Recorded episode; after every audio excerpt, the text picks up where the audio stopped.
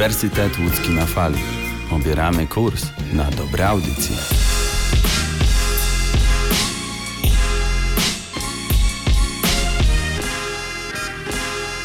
Mamy 7 maja, jest czwartek, a to oznacza, że ruszamy z kolejnym wydaniem internetowej audycji Uniwersytet Łódzki na Fali, która jest podzielona na tematyczne podcasty. Ja nazywam się Piotr Kwiatkowski, witam Was serdecznie w ten nieco chłodnawy, lecz urokliwy dzień. Nasi stali słuchacze zapewne wiedzą, że jestem odpowiedzialny za podcast o nazwie Cel Azja i nie zmieni się to również dziś. Zasypię Was kolejnymi ciekawostkami ze świata Azji, a mówiąc dokładniej, będę mówił o Japonii, Korei Południowej, a także Także zabiorę Was na wycieczkę turystyczną do Wietnamu, aby zobaczyć Zatokę Halong. To wszystko jak zawsze w połączeniu z brzmieniem muzyki z różnych gatunków. A zatem niech ona wybrzmi, a ja zaraz do Was wrócę.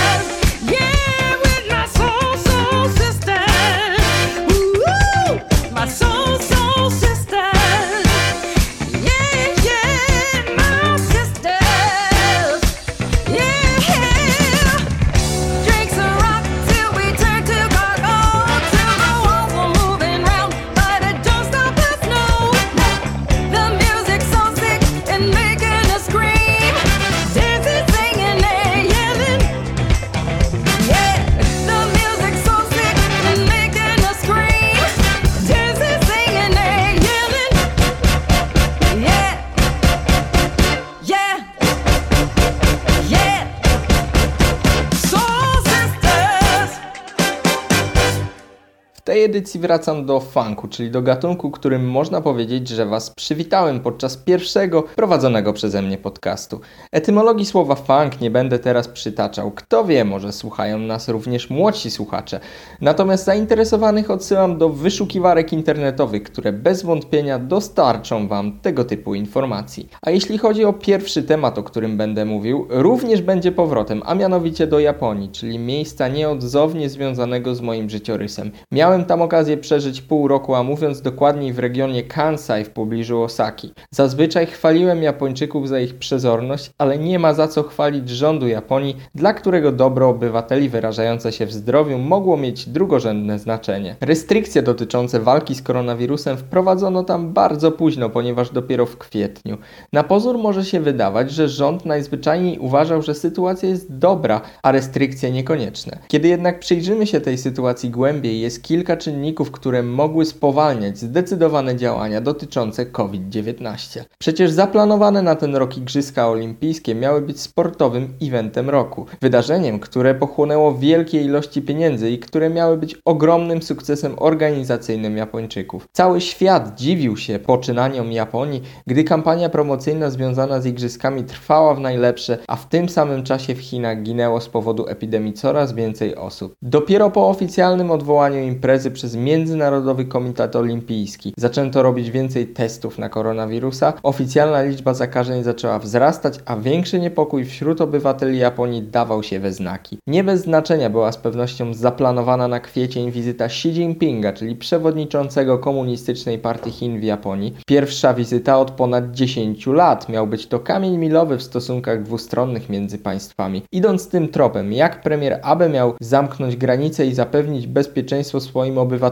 jak odbyć się miała wizyta przedstawiciela jednego z najbardziej wpływowych państw na świecie. Kiedy premier Abe wpuściłby przewodniczącego Xi do kraju, znaczyłoby to przecież, że są równi i równiejsi. Natomiast kwestią, nad którą warto się zastanowić, jest pytanie, czy premier Abe nie przedłożył interesów politycznych nad zdrowie swoich obywateli. Przecież podczas tej wizyty miał zostać podpisany bardzo ważny dokument mający stanowić podwaliny pod przyszłe relacje dwustronne. Miejmy nadzieję, że są to tylko spekulacje, niemniej przemawiają za tym pewne fakty. Zaledwie trzy godziny po odwołaniu spotkania z przewodniczącym Komunistycznej Partii Chin, granice Japonii zostały zamknięte. To pokazuje w wyraźny sposób, że coś w takich spekulacjach może być prawdą. No ale zostawmy już politykę zewnętrzną i zobaczmy, co dzieje się wewnątrz kraju, a tam również daje odczuć się niepokój, szczególnie w szeregach przedstawicieli służby zdrowia. Brakuje bowiem sprzętu medycznego, przez co lekarze i pielęgniarki odczuwają coraz większy niepokój. Premier Japonii powiedział, że zależy mu na ograniczeniu kontaktów międzyludzkich nawet o 80%, co znamienne i kompletnie inne od naszego przypadku, polskiego przypadku COVID-19. Nie ma w Japonii żadnych kar finansowych za nienoszenie maseczek ani niestosowanie się do zaleceń związanych z unikaniem kontaktów międzyludzkich. Ludzie sami wiedzą, co mają robić i w większości wzięli sobie dane ograniczenia do serca. Choć ostatnio w Japonii był gorący okres związany z wakacjami wiosennymi i nie wszyscy byli w stanie bądź nie,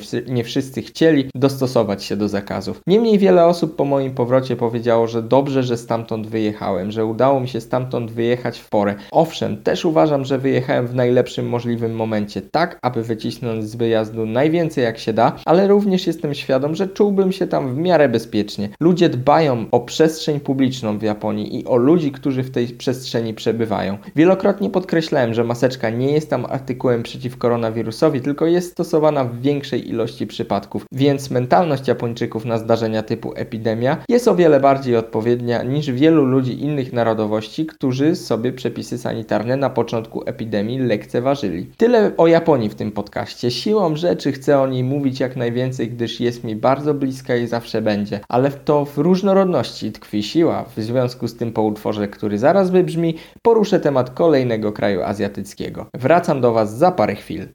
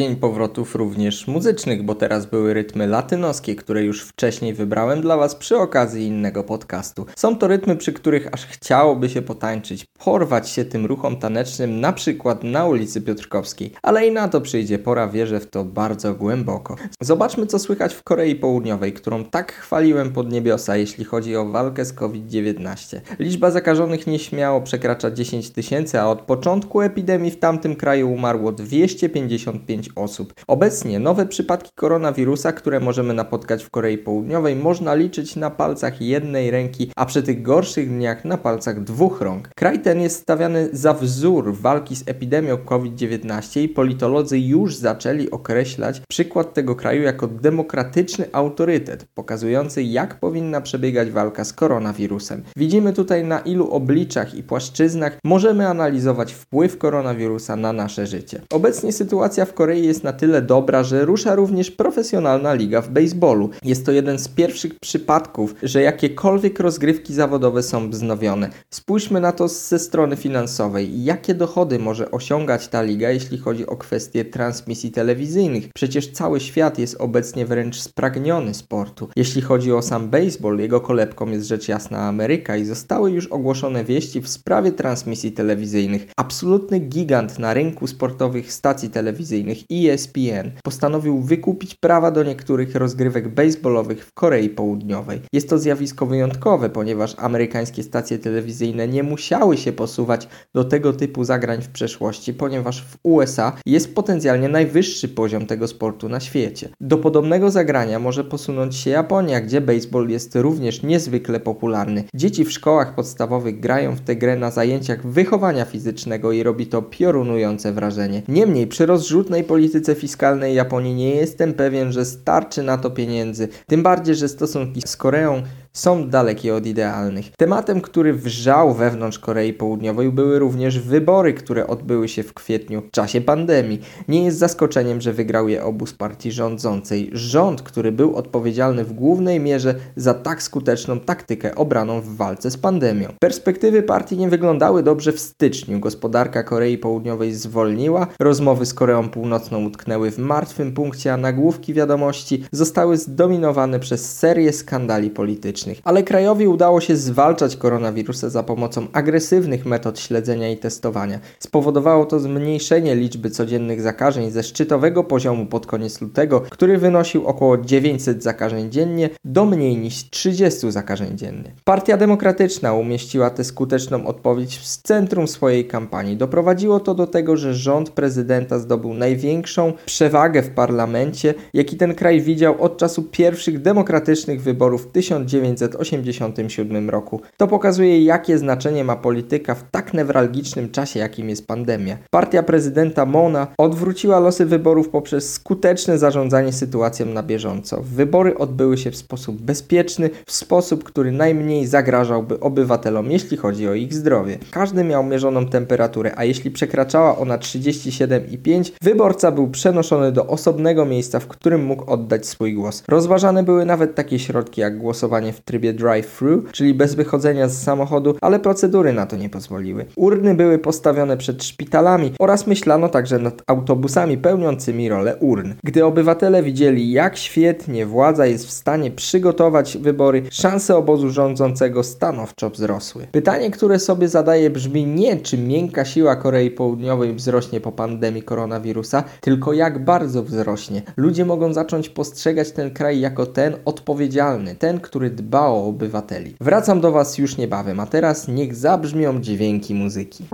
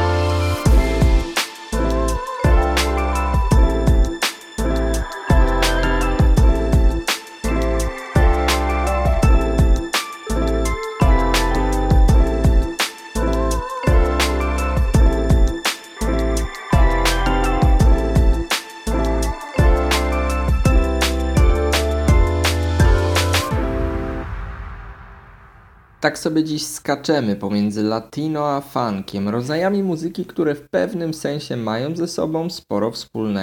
Na dzisiaj zakończę kwestię koronawirusa, a zahaczę o tematy związane z turystyką. Przenieśmy się do Wietnamu i do miejsca wręcz legendarnego związanego z tym krajem. Jest to bowiem Zatoka Halong, której co prawda jeszcze nie miałem okazji zobaczyć na własne oczy, ale która jest określana jednym z cudów świata. Jest to określenie dosyć wyniosłe. Uznawana jest za najwspanialszy obszar widokowy na terenie Wietnamu. Tafla wodna ma powierzchnię 1500 km2 i jest upstrzona ponad 3000 wapiennych wysepek, z których wiele nie ma nawet nazw. Niemniej okolica ta emanuje wielkim spokojem, który skłania do kontemplacji. Z wody sterczą dziwaczne skalne rzeźby, a niezliczone groty tworzą czarodziejski klimat. Warto odnotować, że Zatoka Halong została wpisana na listę Światowego Dziedzictwa UNESCO w 1994 roku z uwagi na piękno natury i 6 lat później ze względu na wartość biologiczną. Z Zatoką Halong wiążą się dwie legendy.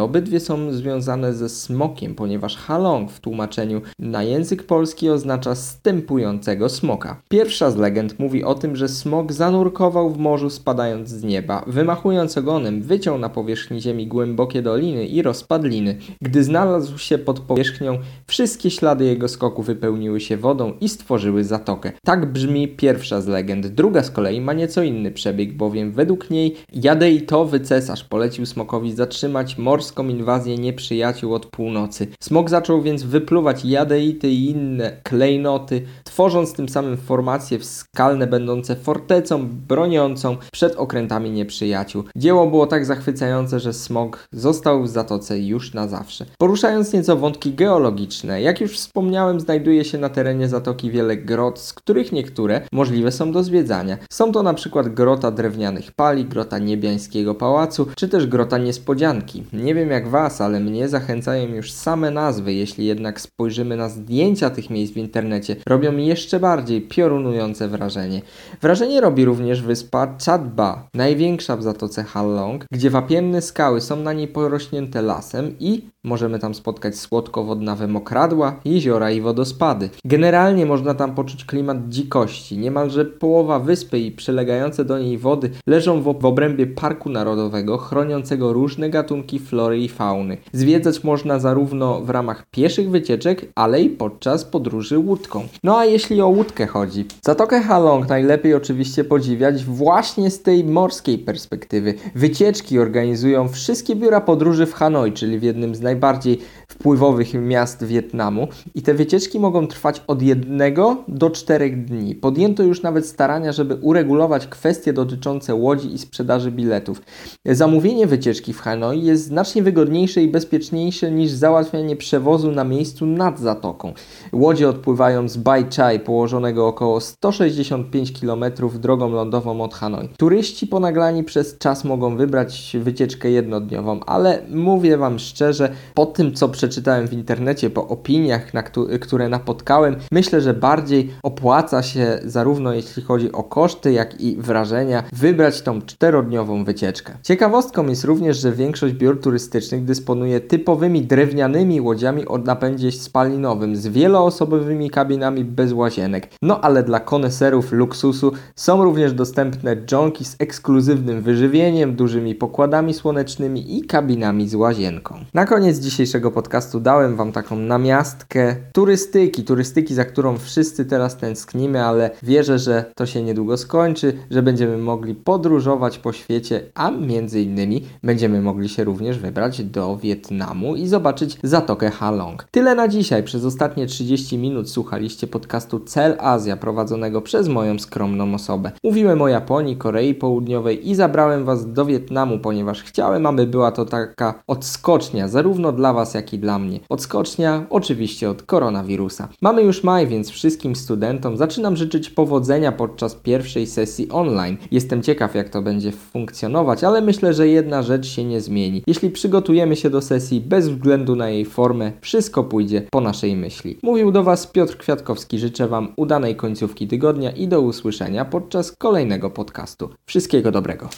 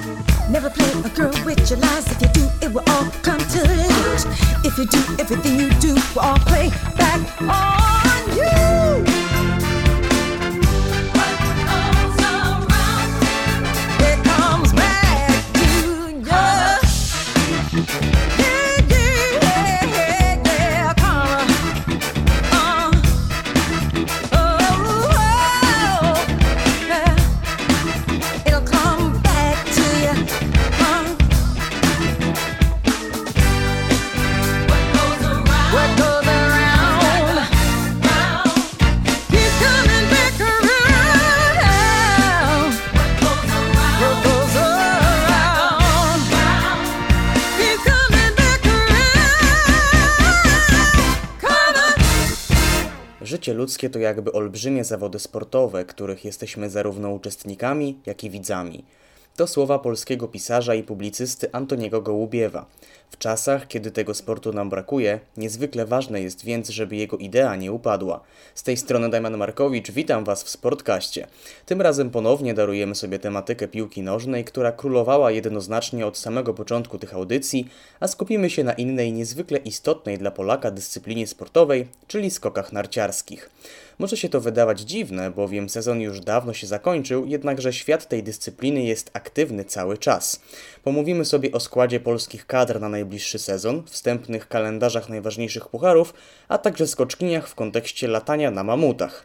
Użyłem liczby mnogiej, ponieważ dzisiaj w podcaście ponownie będę gościł Adriana Kozioła, z którym miałem przyjemność rozmawiać podczas pierwszej audycji.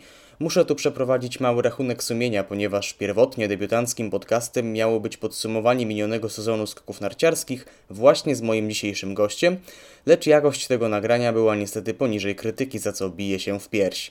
Już za kilka minut Sportcast wraca do Waszych głośników, tymczasem zachęcam do rozluźnienia się przy muzyce.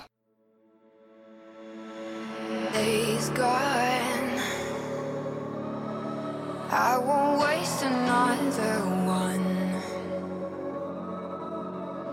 All that darkness, it won't set me back again. Heads down, they will watch us shake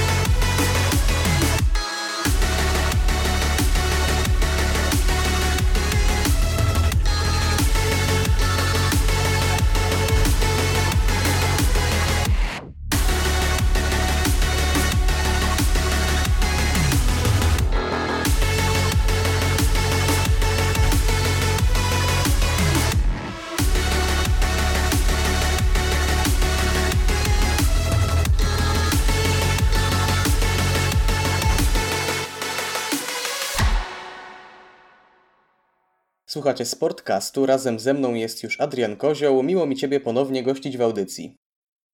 Cześć wszystkim, kłaniam się nisko.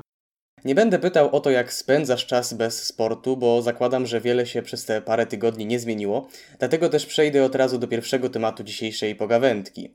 A no, tych tematów będzie dosyć sporo. Nie tak dawno, bo dokładnie 1 maja, ogłoszone zostały składy poszczególnych kadr reprezentacji Polski. I co tu dużo mówić, jesteśmy świadkami sporego zaskoczenia, bo z dwóch kadr męskich A i B zrobiła nam się jedna duża. Informacyjnie powiem, że w jej skład weszło 12 skoczków. Co myślisz o tej decyzji?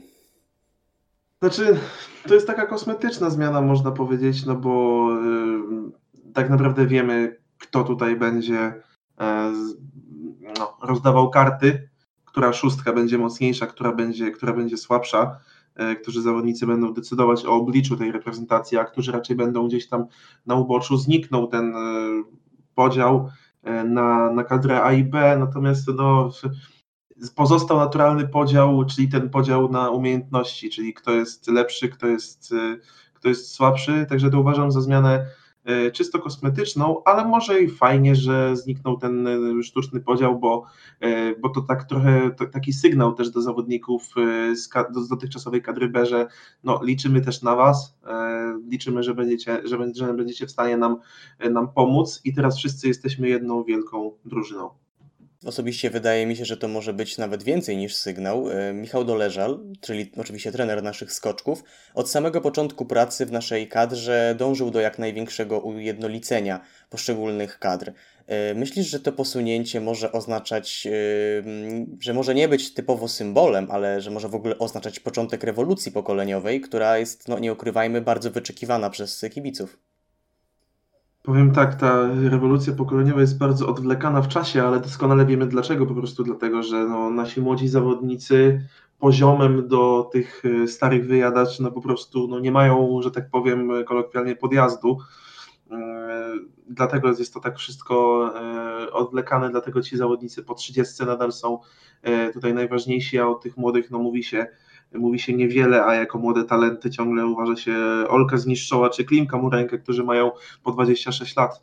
E, młodzi zawodnicy gdzieś tam giną e, po drodze, albo kończą kariery, albo no, skaczą właśnie na poziomie e, Murenki czy Zniszczoła, czyli no, delikatnie rzecz ujmując nic specjalnego, no ale ta zmiana pokoleniowa kiedyś musi przyjść i moim zdaniem im przyjdzie wcześniej, tym będzie mniej dla nas polskich kibiców bolesna. Też takie rozwiązanie połączenia tych kadr A i B może nasuwać pewne teorie. Napotkałem się na kilka z nich. Mówi się, że Polski Związek Narciarski rozegrał to właśnie w taki, a nie inny sposób, żeby wyciągnąć większe dofinansowanie od państwa, wynikające z większej ilości reprezentantów, reprezentantów w pierwszej kadrze. Myślisz, że może mieć to pokrycie w rzeczywistości? Powiem tak, no, zawsze gdzieś, y, jeśli rozmawiamy o sporcie zawodowym, wyczynowym, z którego są pieniądze i to nie małe, no to, to zawsze gdzieś jedną, y, jedną nogą o tych pieniądzach będziemy rozmawiać, więc mm, nie ma dowodów jakby stuprocentowych, że mogło tak być, ale jako, że no, jest to Polski Związek Narciarski i że właśnie jest to sport na takim poziomie, no to można myślę sobie tak bezpiecznie, spokojnie założyć, że to był też e, jeden no, z takich e, ważniejszych powodów niż samo właśnie danie sygnału e, tym nieco mniej ważnym zawodnikom, że też się na nich liczy. Zwłaszcza, że przecież jakiś czas temu, nie, niedawno, przed, niedługo przed ogłoszeniem decyzji o wyglądzie kadr narodowych, wypowiedział się prezes Polskiego Związku Narciarskiego Apoloniusz Steiner, postać ikoniczna, można powiedzieć, ulubieniec kibiców, nie ukrywajmy, e, że wyszedł jakby w kontrze do słów Adama Małysza, który, który uważał, że mm, sytuacja polskich skoków nie, nie ma się najlepiej. Z kolei pan y, Tajner uważał, że wcale nie jest źle, tak jak mówił pan Adam Małysz. No i niedługo później właśnie po, um, okazały się kadry i ta wielka kadra narodowa w um, ilości 12 skoczków. No tak, moim zdaniem pan Apoloniusz Steiner już tak odchodząc od ironii, często robi po prostu dobrą minę do złej gry, czyli no mówi jest dobrze, wszystko w porządku, jest dobrze, dobrze robią, dobrze, wszystko jest w porządku. podczas gdy no, widzimy, że nie jest w porządku i każdy kibic, choć troszkę bardziej e, zainteresowany polskimi skokami i sytuacją e, w nich, widzi, że, no, że nie jest dobrze, że, że jest e, może jeszcze nie źle, ale do tego źle to zmierza i jeśli nie położymy jako związek większego nacisku na na szkolenie młodzieży nie zachęcimy czy, y, czymś tych młodych chłopaków do tego, żeby, żeby, żeby po prostu ciężko pracowali, no to za parę lat, to co już mówiłem kiedyś, możemy się jako kibice emocjonować, ale skokami co najwyżej y, Norwegów czy Niemców, którzy tych młodych zawodników cały czas szkolą. Z jednej strony tak, a z drugiej strony mówi się, że wszystko będzie funkcjonować tak samo, a jedyne co się zmieni to nazewnictwo. Tak, tak, no to jest taki, mm, mówię, no, zlikwidowanie tego, tego sztucznego podziału na A i B, ale tylko w oficjalnym, że tak powiem, wydaniu, tak naprawdę ten podział będzie nadal istniał, no z prostego względu, no jest różnica w poziomie, jest różnica w umiejętnościach między chociażby Kamilem Stochem, Dawidem Kubackim czy Piotkiem Żyłą, a nawet y, Maciejem Kotem czy Stefanem Hulą, a co dopiero, żeby tutaj jeszcze dokoptować y, Kacpra Juroszka czy Tomka Pilcha no bo to już, będzie, to już jest po prostu przepaść. Koniecznie należy też odnotować, że dotychczasowy trener kadry B, czyli Maciej Maciusiak, został asystentem Michała Doleżala. Do tego w tej samej roli dochodzą Grzegorz Sobczyk oraz Daniel Kwiatkowski. Najprawdopodobniej kadra narodowa będzie funkcjonować w takich mniejszych grupach, lecz przenoszenie ich między nimi będzie bardzo łatwe, szybkie i wygodne, przynajmniej w teorii. Myślisz, że w taki mm, plan działania kadry narodowej może zaprocentować w najbliższym sezonie?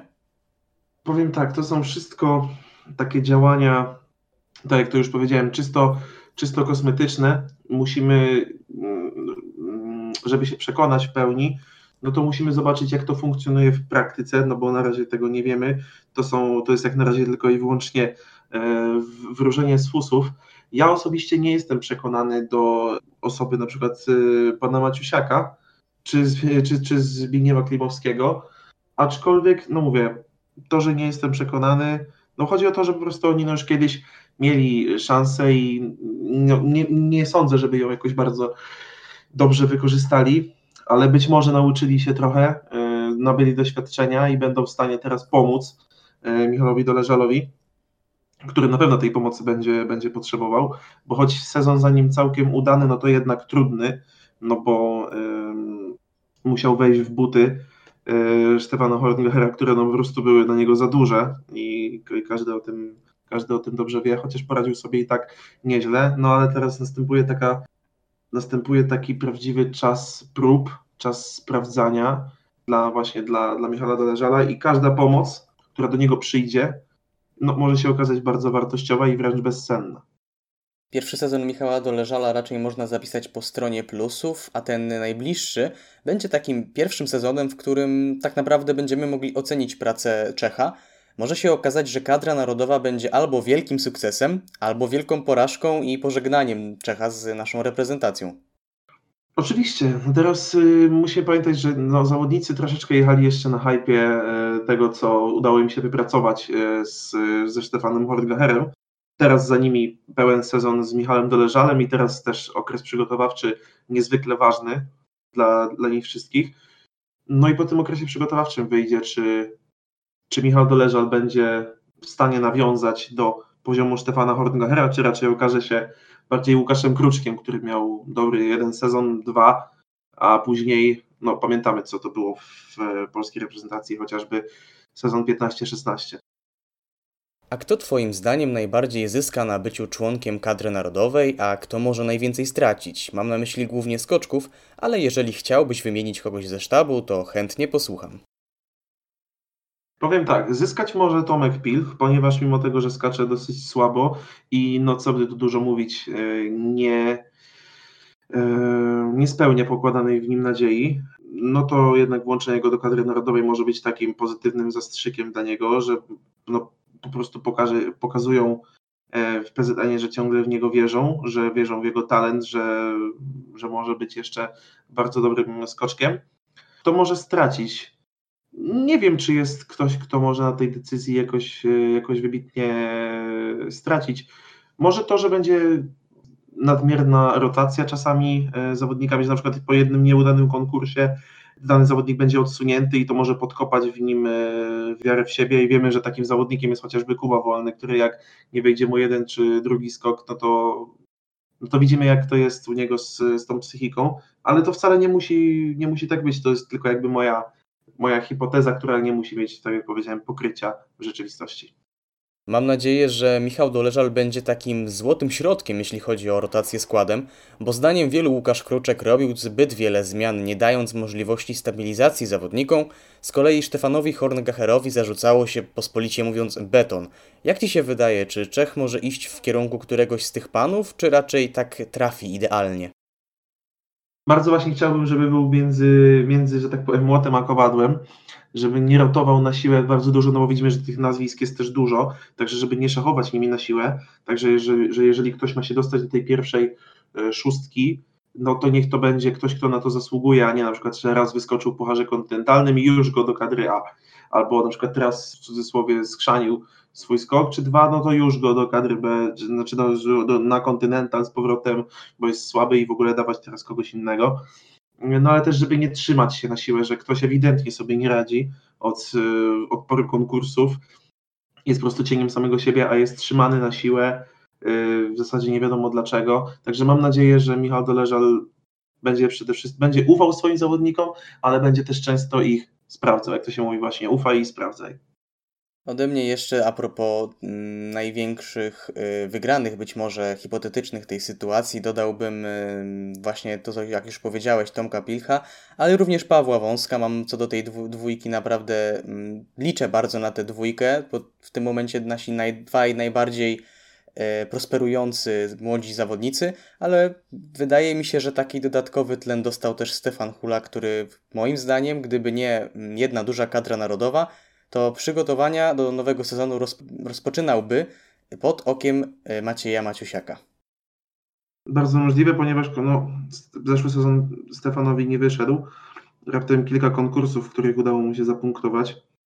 A przecież pamiętamy na co, na co go stać, chociażby sezon olimpijski 17-18 był, był takim e, świetnym sezonem w jego wykonaniu. Szkoda, że, no, e, że nie stanęło ani razu w nim na podium, bo miał kilka razy szansę, ale no, sezon był naprawdę wybitny w, wtedy w jego wykonaniu, zwłaszcza, że pamiętamy, co skakał wcześniej, jak, jak skakał wcześniej.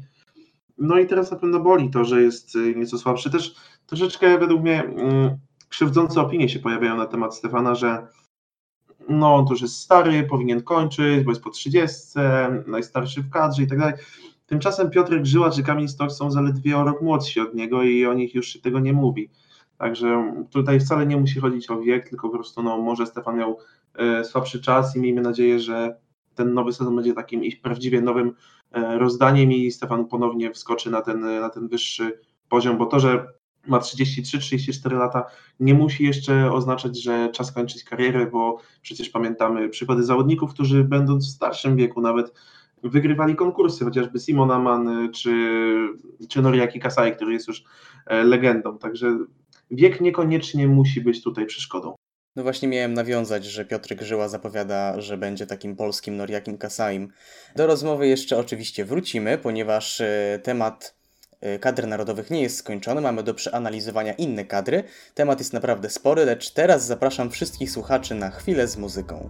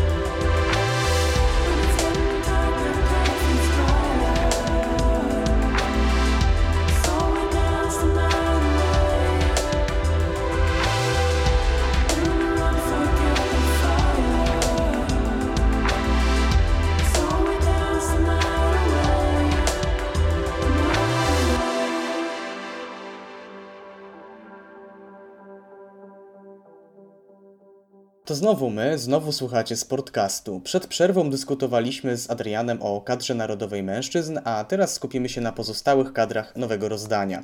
A zaczniemy od zaplecza kadry narodowej. Nosi ono teraz nazwę Kadry Narodowej Młodzieżowej, a w jej skład wchodzą, bo tutaj akurat yy, po niektórzy mogą jednak nie kojarzyć tych zawodników, Adam Niżnik, Mateusz Gruszka, Szymon Jojko, Arkadiusz Jojko, Jan Habdas i Stanisław Ciszek. Zaś rezerwowymi tej kadry są Kacper Stosel, Szymon Zapotoczny, Stanisław Majerczyk, Karol Niemczyk, Jakub Harat, Wiktor Fickowski oraz Jarosław Krzak.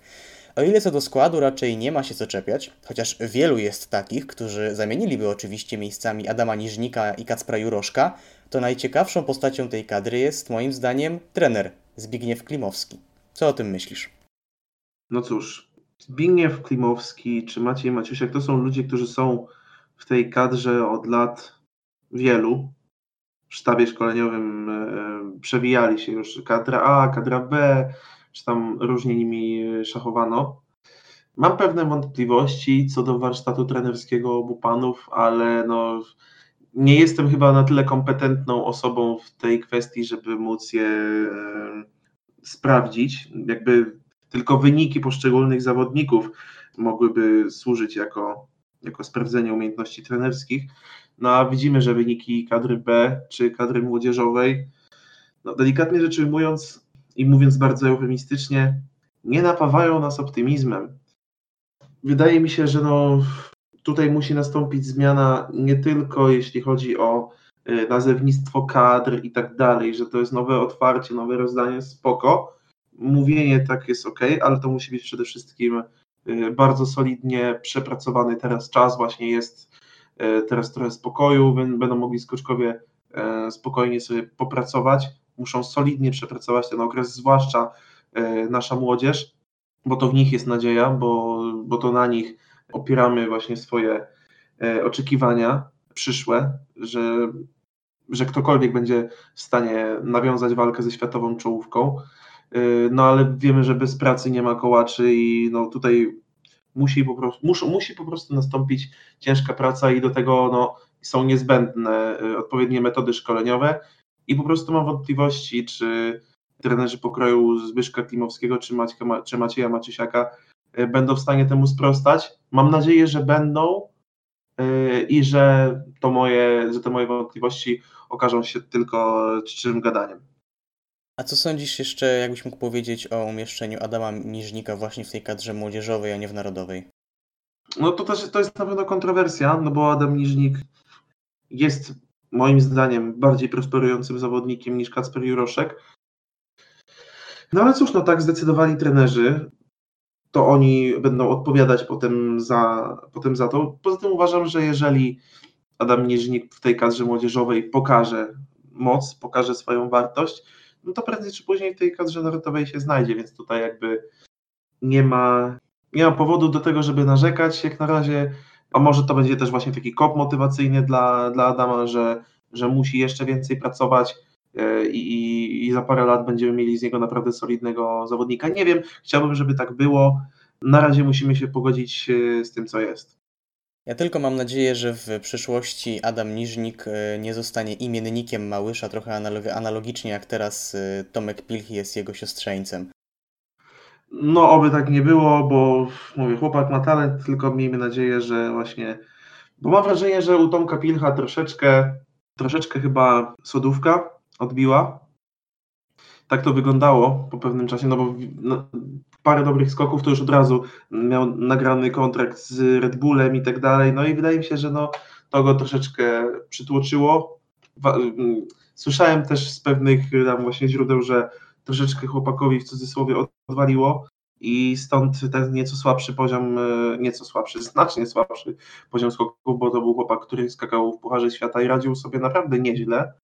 E, no a potem nagle zniknął i nawet w Pucharze Kontynentalnym skakał beznadziejnie.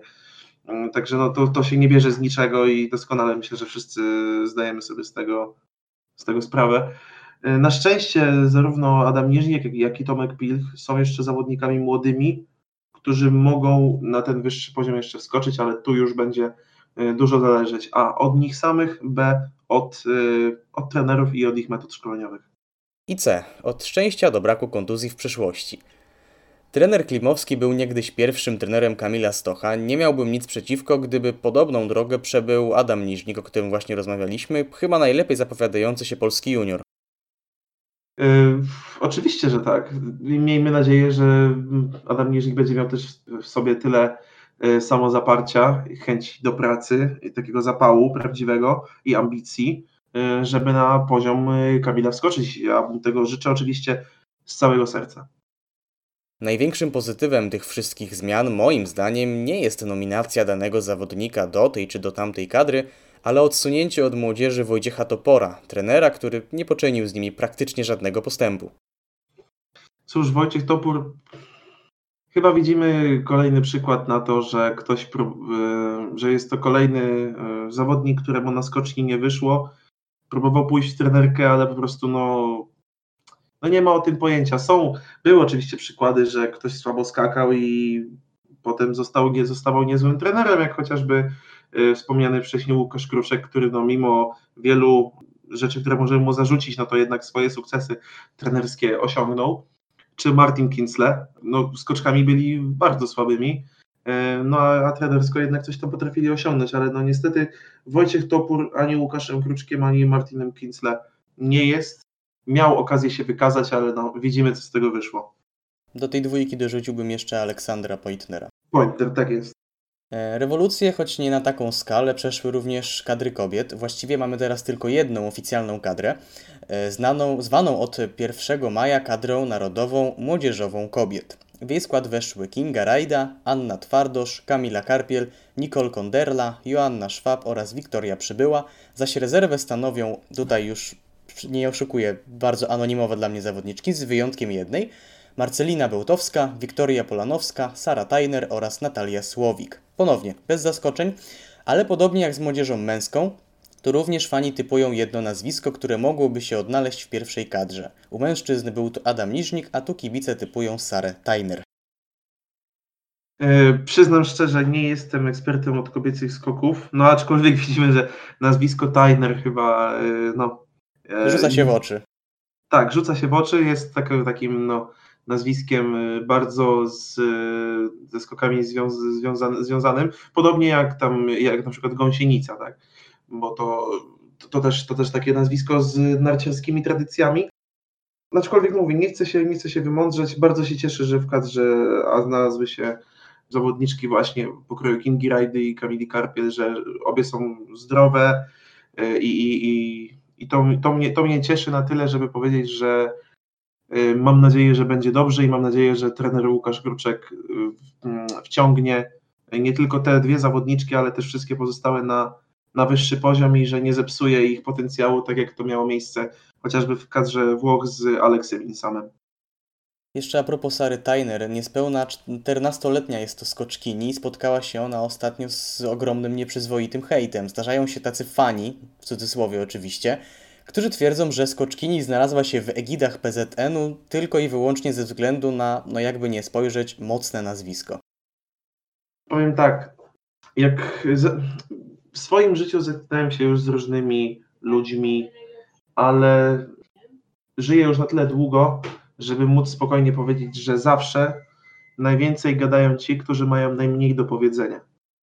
I wydaje mi się, że to są właśnie głosy ludzi, którzy zobaczyli coś, że oj, kolejny, kolejny kolejna y, Tyner w tym będzie, że będzie beton i tak dalej, nepotyzm, y, kolesiostwo i tak dalej, już, już się to nie podoba, już piszą komentarze bez w ogóle sprawdzenia, y, kim jest ta zawodniczka, co osiągnęła, więc można po prostu zrobić z siebie głupka w taki sposób i mam wrażenie, że ci ludzie właśnie to w tym momencie czynią. Ja osobiście uważam, że Sarah Tyler ma potencjał nawet większy niż Kinga Rajda, ponieważ ma niespełna 14 lat, udowadnia już, a właśnie a propos tego hejtu, że on tak naprawdę na nią nie wpływa.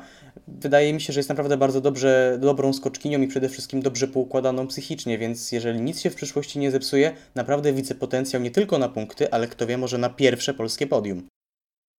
Chciałbym tak, bardzo, bardzo bym tego chciał, tylko właśnie pamiętajmy, że to jest 14-letnia no, dziewczynka, co by tu dużo, co by tu się oszukiwać, więc no, miejmy świadomość też tego, ile niebezpieczeństw czeka na młodego człowieka na takim etapie rozwoju i miejmy nadzieję, że nic nie będzie w stanie jej przeszkodzić i będzie miała wokół siebie ludzi yy, życzliwych, którzy będą chcieli jej pomóc wejść na ten, na ten wysoki poziom i w przyszłości będziemy z niej dumni. Ogólne oczekiwania wobec wszystkich kadr są, wydaje się, wysokie. Szczerze mówiąc, również sporo sobie obiecuję po takiej łączonej pracy poszczególnych sztabów. Mam nadzieję, że nie jest to moja wybujała wyobraźnia, ale gdzieś tam za parę lat, może nawet w przyszłym sezonie, widzę całkiem solidne wyniki nie tylko kilkoro naszych reprezentantów, ale naprawdę całej kadry. Chciałoby się oczywiście, no ale no, do tego y, celu jest bardzo, jest niezbędne wręcz to, żeby do poziomu, to o czym mówiłem wcześniej, Kamila Stocha, Piotra Żyły i, i Dawida Kubackiego doszusowali też pozostali zawodnicy, bo to jest nam bardzo, ale to bardzo potrzebne. Myślę, że to dobry moment, aby złapać nieco oddechu w rozmowie. Wkrótce powracamy, a w kolejnym wejściu przedyskutujemy wstępny kalendarz Pucharu Świata. Zostańcie z nami. Yeah,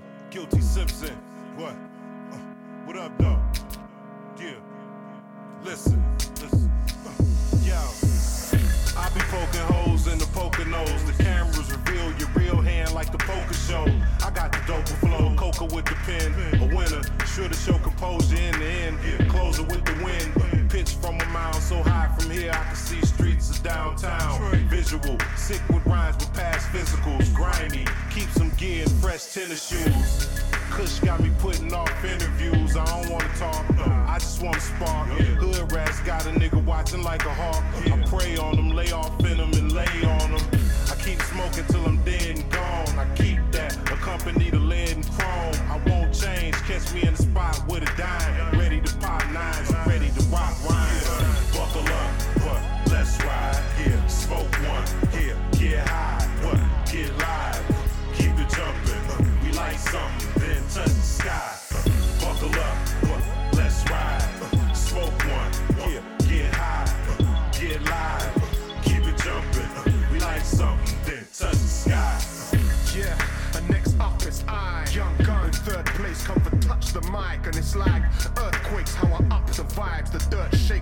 dust will fly. Don't adjust your high five system, just recline and I'll supply fly diction to bust your mind. The art of rhyme, black wisdom, it comes with time. You can't deny my gift, cause I'm done with mine.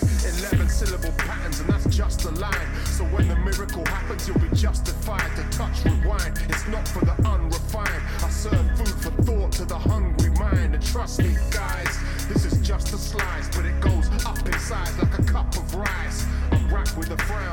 You're acting a clown. I'll be all up in your face like a custard pie. Yeah, buckle up, what? Let's ride, yeah. Smoke one, yeah. Get high,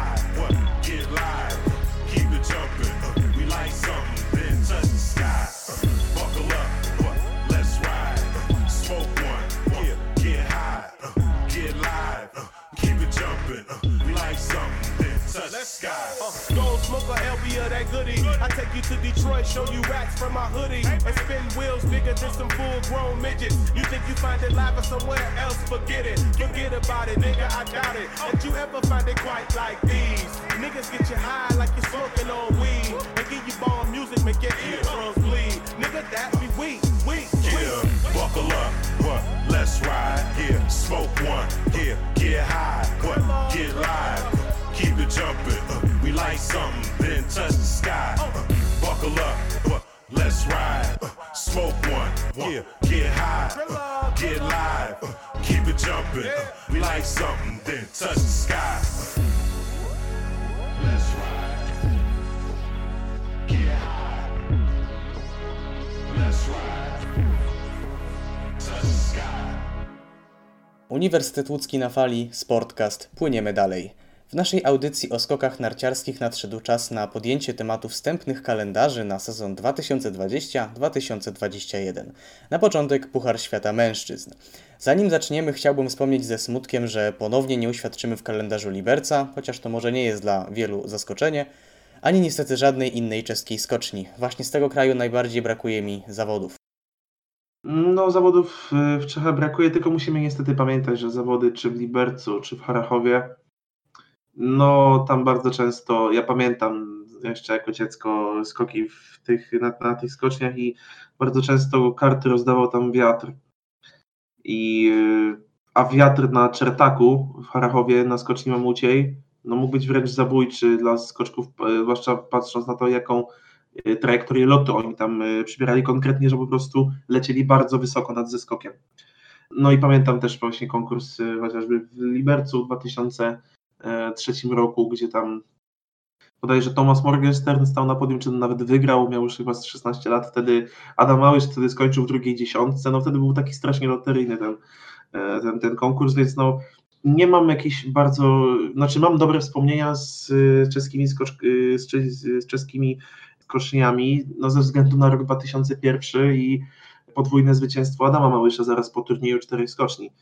Mm, także to na pewno y, to na pewno są wspomnienia pozytywne, no ale też musimy pamiętać, jak wyglądają Czechy teraz, jeśli chodzi o skoki, no bo niestety są w opłakanym stanie y, zarówno obiekty, które tam są, jak i no, y, finanse, jak i same stany kadry, no bo widzimy, jak, jak w tym momencie czescy skoczkowie się prezentują. Sezon zimowy miałby się rozpocząć 20 listopada od kwalifikacji do pierwszego konkursu indywidualnego w Wiśle. No właśnie, kolejny rok z rzędu inauguracja jest na skoczni imienia Adama Małysza, która zwłaszcza w zeszłym sezonie pokazała, że może niekoniecznie jest to najlepsze wyjście. Gdzie ty widzisz inaugurację? Bardzo eufemistycznie to ująłeś, przyznam się szczerze, bo ja uważam, że zawody w Wiśle ratuje tylko i wyłącznie atmosfera, jaka tam jest i kibice, którzy przychodzą. E, poziom sportowy tych zawodów jest zazwyczaj bardzo słaby. E, skocznia jest przygotowana, cóż, no, choć najlepiej jak się da, to jednak źle, no bo musimy pamiętać o tym, że w Polsce listopad to jest miesiąc y, przy takich ociepleniach, jakie mamy, to jest miesiąc, w którym niedługo będziemy piec kiełbaski nad, nad ogniskiem, a nie czekać na śnieg i na skoki narciarskie w tym kraju, e, więc no, decyzja o, taki, o takim, a nie innym terminie jest po prostu no, zła, no ale tutaj wiesz, no, wiemy, jak nie wiadomo o co chodzi, to wiadomo o co chodzi, że tak powiem. Zeskok jest zazwyczaj źle przygotowany, zawodnicy upadają, robią sobie krzywdę, e, temperatura jest nie taka, ten śnieg jest sztuczny, no, no to, to znaczy nie powiedziałem niczego odkrywczego, tak, ale no warto chyba sobie o tym powiedzieć jeszcze raz. Organizacyjnie na szczęście nie wygląda to tak źle, no bo mówię, no są, są kibice, są tam speakerzy, to wygląda tam wszystko elegancko, są przychody dla, dla FIS-u, więc to się wszystko zgadza. Aczkolwiek musimy pamiętać, że niedzielny konkurs najprawdopodobniej znowu będzie organizowany o jakiejś pogańskiej godzinie typu 11.30 z tego względu, że no, wygraliśmy Eurowizję Junior w zeszłym roku, więc pewnie znowu się zajmiemy organizacją tego, znowu to będzie yy, niedziela, znowu pewnie w takim terminie i znowu to będzie kolidowało z kalendarzem Pucharu Świata i znów trzeba będzie przełożyć skoki z godzin popołudniowych na te godziny właśnie jeszcze przed południem i to.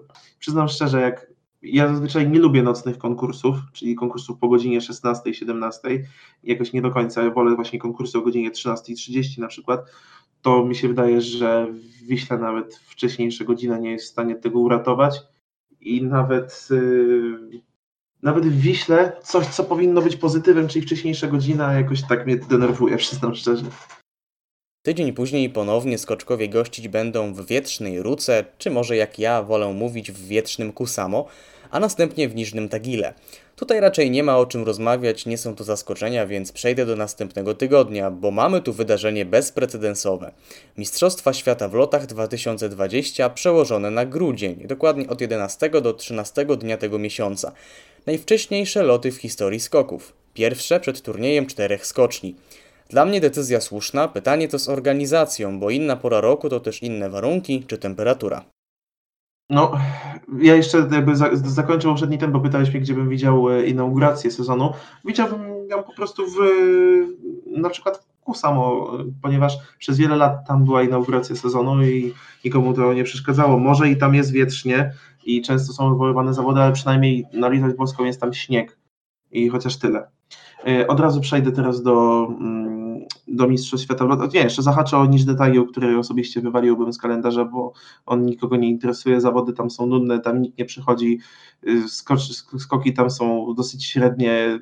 Ja nawet podczas ja się nudzę, pod, podczas mówienia o tych zawodach się nudzę, więc co dopiero podczas oglądania ich. Okej, okay. Mistrzostwa Świata w lotach. Tak, to będzie na pewno ciekawe, bo zawsze w planicy skaczemy w marcu, kiedy jest już troszkę cieplej w Słowenii. Zresztą no, takie, mm, taki obrazek, gdzie skaczemy w planicy wcześnie rano, świeci słoneczko i tak dalej, no to wszyscy doskonale znamy. No teraz najprawdopodobniej takie obrazki na nas nie czekają. Temperatura będzie najprawdopodobniej niższa, e, aniżeli to ma miejsce podczas zakończenia sezonu. Będzie po prostu inaczej i pytanie, kto w tej, e, kto w tej innej rzeczywistości no, w jakiej przyszło nam żyć przez e, tego przeklętego koronawirusa, kto najlepiej będzie w stanie się w tej rzeczywistości odnaleźć. Oczywiście faworyci są niezmienni w tym momencie, no bo musimy brać pod uwagę e, Kamila Stocha, musimy brać pod uwagę Ryoyu Kobayashiego, musimy brać pod uwagę Karla Geigera, Stefana Krafta, który wygrał kryształową kulę, no ale nie mamy pewności, czy na początku sezonu w Wiśle, chociaż Wisła jest tak miarodajna, że może nie mówmy o tym, ale że wrócę, czy w Tagile nie, nie objawi nam się jakaś nowa gwiazda, którą no, chcąc nie chcąc będziemy musieli brać pod uwagę w tych mistrzostwach. Ja powiem tyle, czekam z niecierpliwością. Zwłaszcza, że na początku sezonu często bywało tak, że odpalał jakiś zawodnik, który do marca zdążył sporo przygasnąć. Chciałbym jeszcze zwrócić uwagę, że jeżeli chcemy rozpatrywać Kamila Stocha jako faworyta, to musi on odpalić wcześniej niż w Engelbergu, w którym zawody odbędą się tydzień później. Na przełomie roku 2020 i 2021 odbędzie się 69. turniej czterech skoczni. Z tego co widzę, ponownie ta jednodniowa przerwa odbędzie się między Innsbruckiem a Bischofshofen. Wydaje mi się, że kiedyś było to między częścią niemiecką a austriacką. Zaś tuż po TCS-ie zawody w Titize Neustadt i z tego co widzę, bez turnieju na tej skoczni. No cóż, takie jest życie. No ale tak, no, turniej y, cztery skoczni. Ogólnie to jest y, fenomen, że między, jeśli dobrze pamiętam, między Garmisch-Partenkirchen a Innsbruckiem, które są w innych krajach, jest znacznie mniejsza odległość niż między Innsbruckiem a Bischofshofen. I może właśnie ze względu na to jest ten dzień przerwy. Niewykluczone. Następnie Zakopanem, ponownie z konkursem drużynowym. Szczerze mówiąc, straciłem już nadzieję na to, że zobaczę w jeden weekend dwa konkursy indywidualne w Polsce.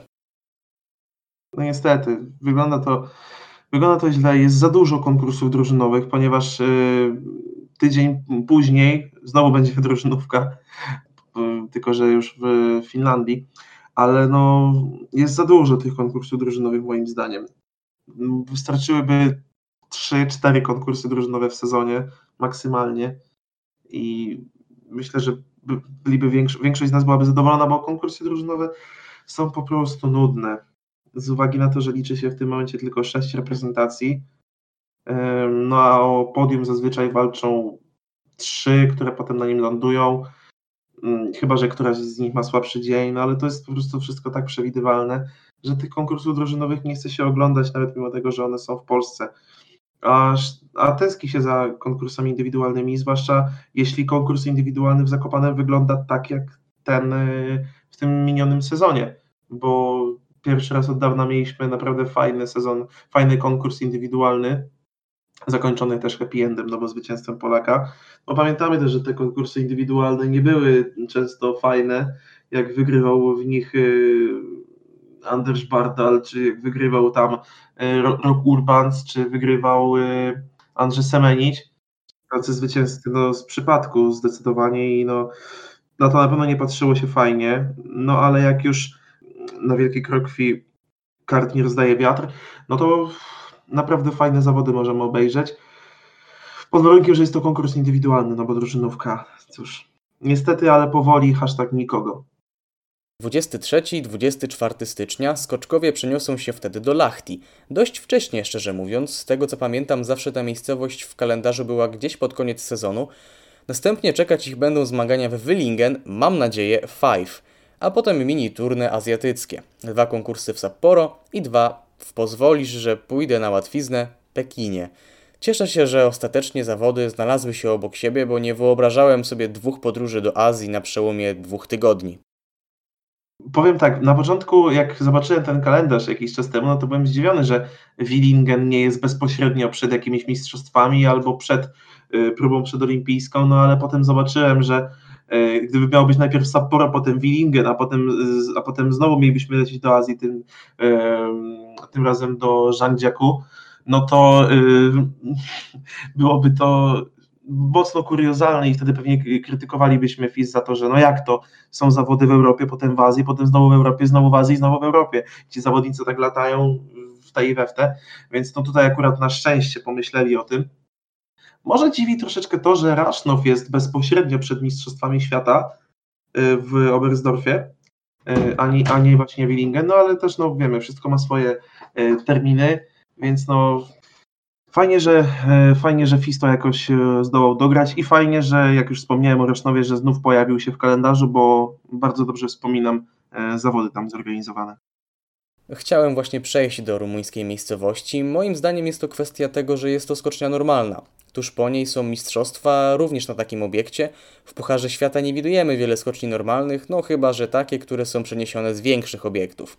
Rasznow zorganizuje ostatnie zawody w lutym. Co interesujące, obejmować będą mixed, którego jakiś czas nie widzieliśmy. Warto dodać, że co jak co, ale wygrana rumuńskiej miejscowości z Mamutem w Bad Mitterndorf świadczy o bardzo mocnej pozycji i chyba zadowoleniu FIS-u po konkursach w tym roku.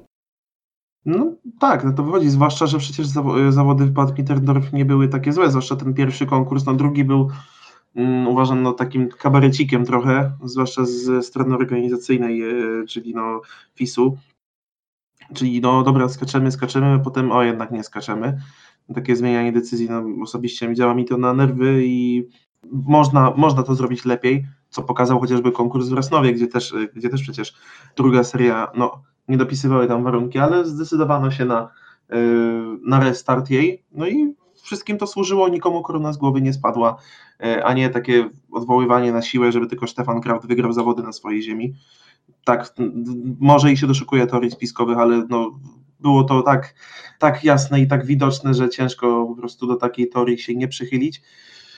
Yy, no i może fajnie, że w końcu nie zobaczymy yy, Bad Mitterdorf, tylko właśnie pojawi się raz no, w podwójnym konkursie bezpośrednio przed Mistrzostwami Świata. No i później już chyba tylko nam zostanie rower i planica, nie?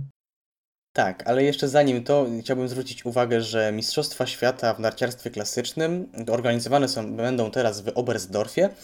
Dla wielu będzie to główny cel tego sezonu, jednakże ja chciałbym zwrócić uwagę, że będą to drugie mistrzostwa z rzędu, gdzie skoczkowie które skoczkowie przeskaczą na obiekcie, na którym wcześniej już rywalizowali w turnieju czterech skoczni, bo po Innsbrucku mamy teraz Oberstdorf. Mhm, to się zgadza, tylko, tylko no, pamiętajmy, że Innsbruck i Bergizel to jest skocznia mocno patologiczna. E, niestety, no tam warunki rozdają, e, rozdają karty, tam nie na darmo mówi się, że można tam dużo zyskać, ale jeszcze więcej stracić. Oberstdorf jest skocznią dużo lepiej przygotowaną, dużo bardziej odporną na, e, na warunki, chociaż no nie ma skoczni w 100% na warunki odpornej, no bo musiałaby to być e, skocznia po prostu gdzieś pod dachem i, i, i w jakiejś hali. No ale nie przypominam sobie zawodów w Oberstdorfie, które, no, które byłyby tak kuriozalne, jak e, jak chociażby ostatnie zawody na, na Bergizel, bo tutaj akurat daleko szukać nie trzeba. Potem już ostatnia prosta, ostatni period sezonu. Turniej rower, mam nadzieję, że tym razem sprawiedliwy i dokończony, oraz po raz drugi w kalendarzu planica. Łącznie 28 konkursów indywidualnych, 6 drużynowych, 1 mixt, cztery mniejsze lub większe turnieje i dwie imprezy rangi mistrzowskiej. Naprawdę nieprawdopodobny sezon nam się zapowiada, Adrianie. To się zgadza. No i musimy pamiętać, że e, w Planicy odbędzie się e, aż 8 e, serii, z tego co, z tego, co tutaj udało mi, się, udało mi się policzyć. Albo tak, no bo e, w, nie, czy, czy, czy nawet więcej, nie, bo są 4, 10 serii się odbędzie, no bo 4 serie na Mistrzostwach Świata w lotach i później po dwie w każdym z konkursów, więc, więc 10, aż 10 serii w planicy, no tak dużo, tak dużo słoweńskiego mamuta jeszcze chyba nie mieliśmy w żadnym sezonie.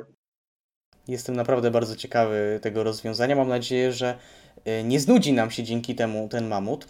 Jeśli chodzi o takie ogólne wnioski co do tego sezonu, to ja tutaj widzę mm, dwa takie poważniejsze, może nie to minusy, ale no spodziewałem się, że będzie to wyglądać nieco inaczej. Teraz dopiero jak przeglądałem ten kalendarz, rzucił mi się w oczy brak yy, Val di Fiemme, które moim zdaniem no, raczej zdało egzamin w poprzednich dwóch sezonach. Co prawda w zeszłym sezonie musiały być e, zmagania przeniesione na skocznię mniejszą, jednakże nie dopatrywałbym się tutaj e, winy organizatorów i troszeczkę żałuję, że nie ma tej skoczni w Pucharze Świata. Też żałuję, zwłaszcza, że mamy tutaj takie kwiatek, kwiat, kwiatuszki jak Wisła czy Niżny Tagił, za które spokojnie Waldifieme mogłoby, mogłoby być, no ale no cóż, pieniążki, pieniążki, jeszcze raz pieniążki, a trzeba było gdzieś jeszcze do kalendarza wcisnąć mm, Mistrzostwa Świata w Planicy przełożone, Mistrzostwa Świata w Oberstdorfie, no i próbę przedolimpijską, więc no coś niestety musiało ucierpieć, padło na Waldifieme.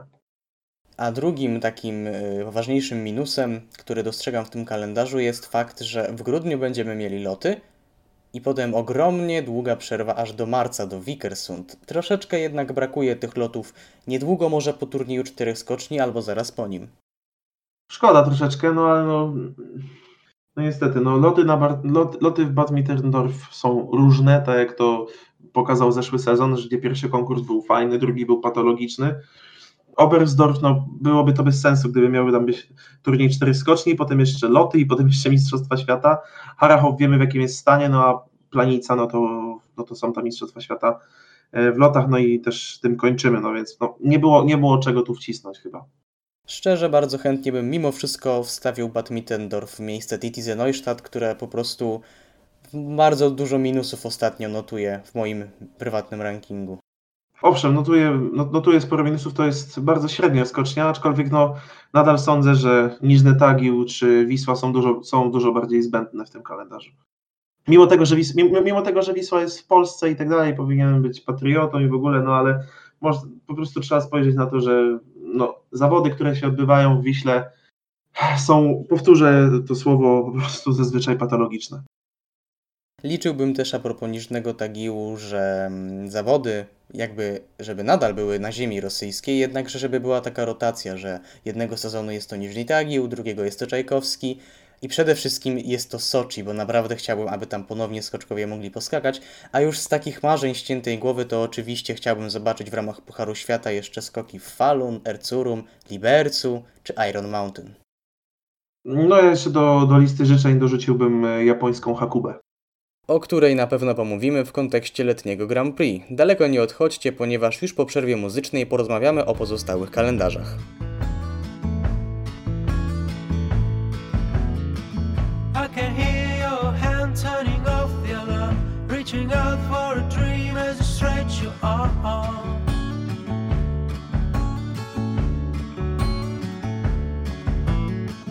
And the lights go down, that's where we belong. Everlasting spark stuck between two walls.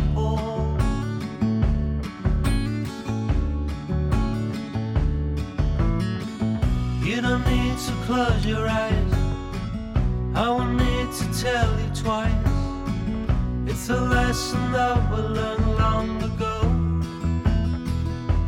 Long ago.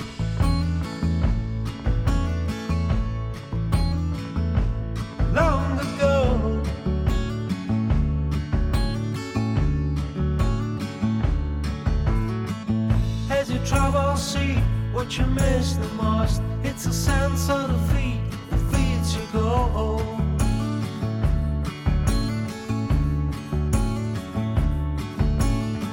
But if you're ever late, you'll be late for good.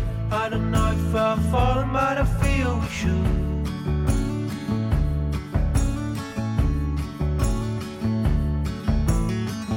You don't need to close your eyes. I will need to tell you life. It's a lesson that we learned long ago. Long ago.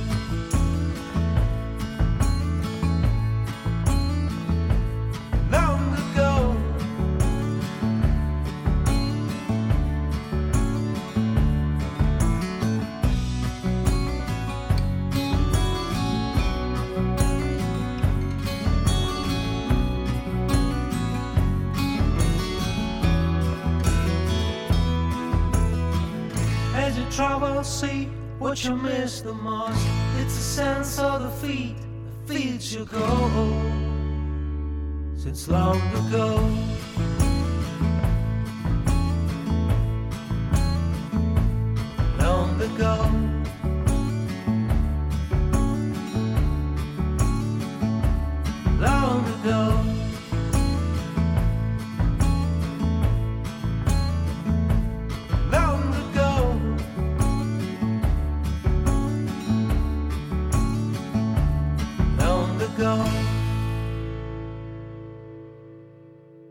Witamy ponownie w dzisiejszym Sportkaście, obszernym jak proponowany kalendarz Pucharu Świata Mężczyzn.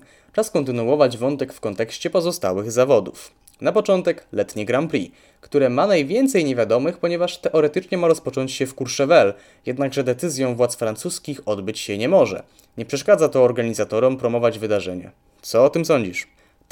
I zanim Adrian udzieli odpowiedzi, mała notka ode mnie z przyszłości.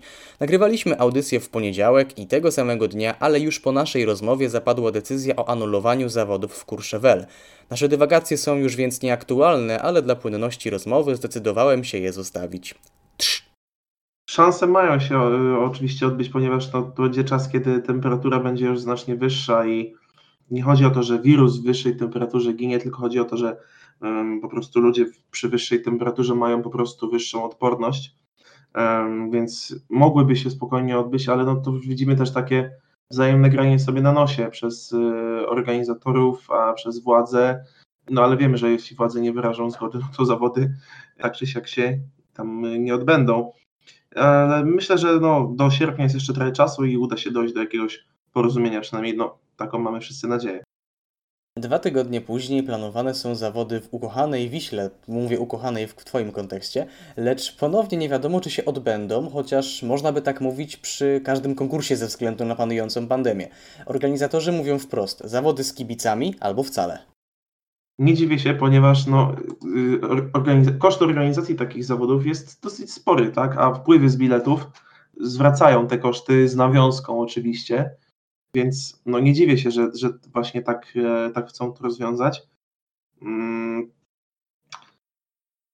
Także no, mają rację, mają rację. Poza tym, no, umówmy się, zawody Wiśle Malince bez kibiców, no to chyba nie byłyby zawody.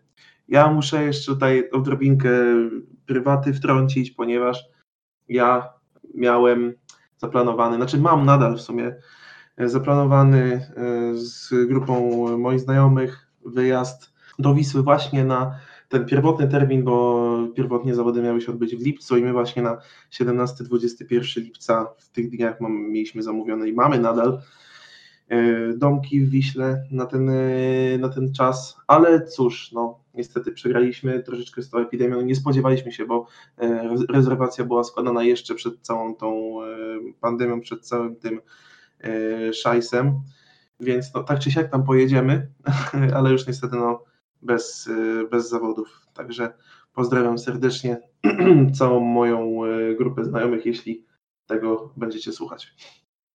Dołączam się do tych pozdrowień. Dalej w kalendarzu raczej wielkich zaskoczeń nie ma. Na ten moment nie wiemy, czy podczas kazachskiego weekendu będziemy rywalizować w Szczuczyńsku, czy jednak w Almatach. Co do subiektywnych przemyśleń, to szkoda mi trochę nieobecności Haguby. Również, e, również mi szkoda, zwłaszcza, że chętnie zobaczyłbym te zawody. No, e, no, zimą już bardzo ciężko jest je wcisnąć, jeszcze pamiętamy, że tam chociażby Adam Małysz kiedyś wygrywał w 2001 roku, więc na pewno jest to mile wspominana skocznia przez polskich kibiców. No ale później troszeczkę zapomniana. e, No i teraz w letnim Grand Prix, no niestety też jednak przez organizatorów, przez FIS zapomniana, mm, no, a wciśnięty tam Kazachstan. Nie chcę mówić, że po raz kolejny zaważyli pieniądze, ale po prostu wiem, y, jak, y, wiem jakimi możliwościami finansowymi dysponują e, władze Kazachstanu, władze Kazachskiego Związku, y, więc no, ja wniosków, wnioski pozostawiam Wam, ale mogę Was nakierować tylko na to, żebyście spojrzeli na to właśnie z podobnej perspektywy co ja. Przechodząc do letniego Grand Prix kobiet, chcę powiedzieć tylko tyle, że zazdroszczę bardzo zawodów w Czechach, dokładniej we Frensztacie, którego widziałbym nawet w Pucharze Świata Mężczyzn. No, w sumie, tylko że no wiesz, no jest tyle zawodów już tych, tyle skoczni aspirujących do bycia w kalendarzu y, oficjalnym Pucharu Świata mężczyzn, mę- mężczyzn y, zimowym, czy już teraz nawet letnim, no że po prostu ciężko, ciężko znaleźć kolejne, kolejne miejsca, bo tu nikt nie chce odpuszczać, każdy walczy o swoje, każdy walczy oczywiście e, o to, o czym już mówiłem, czyli o przychody, o pieniążki.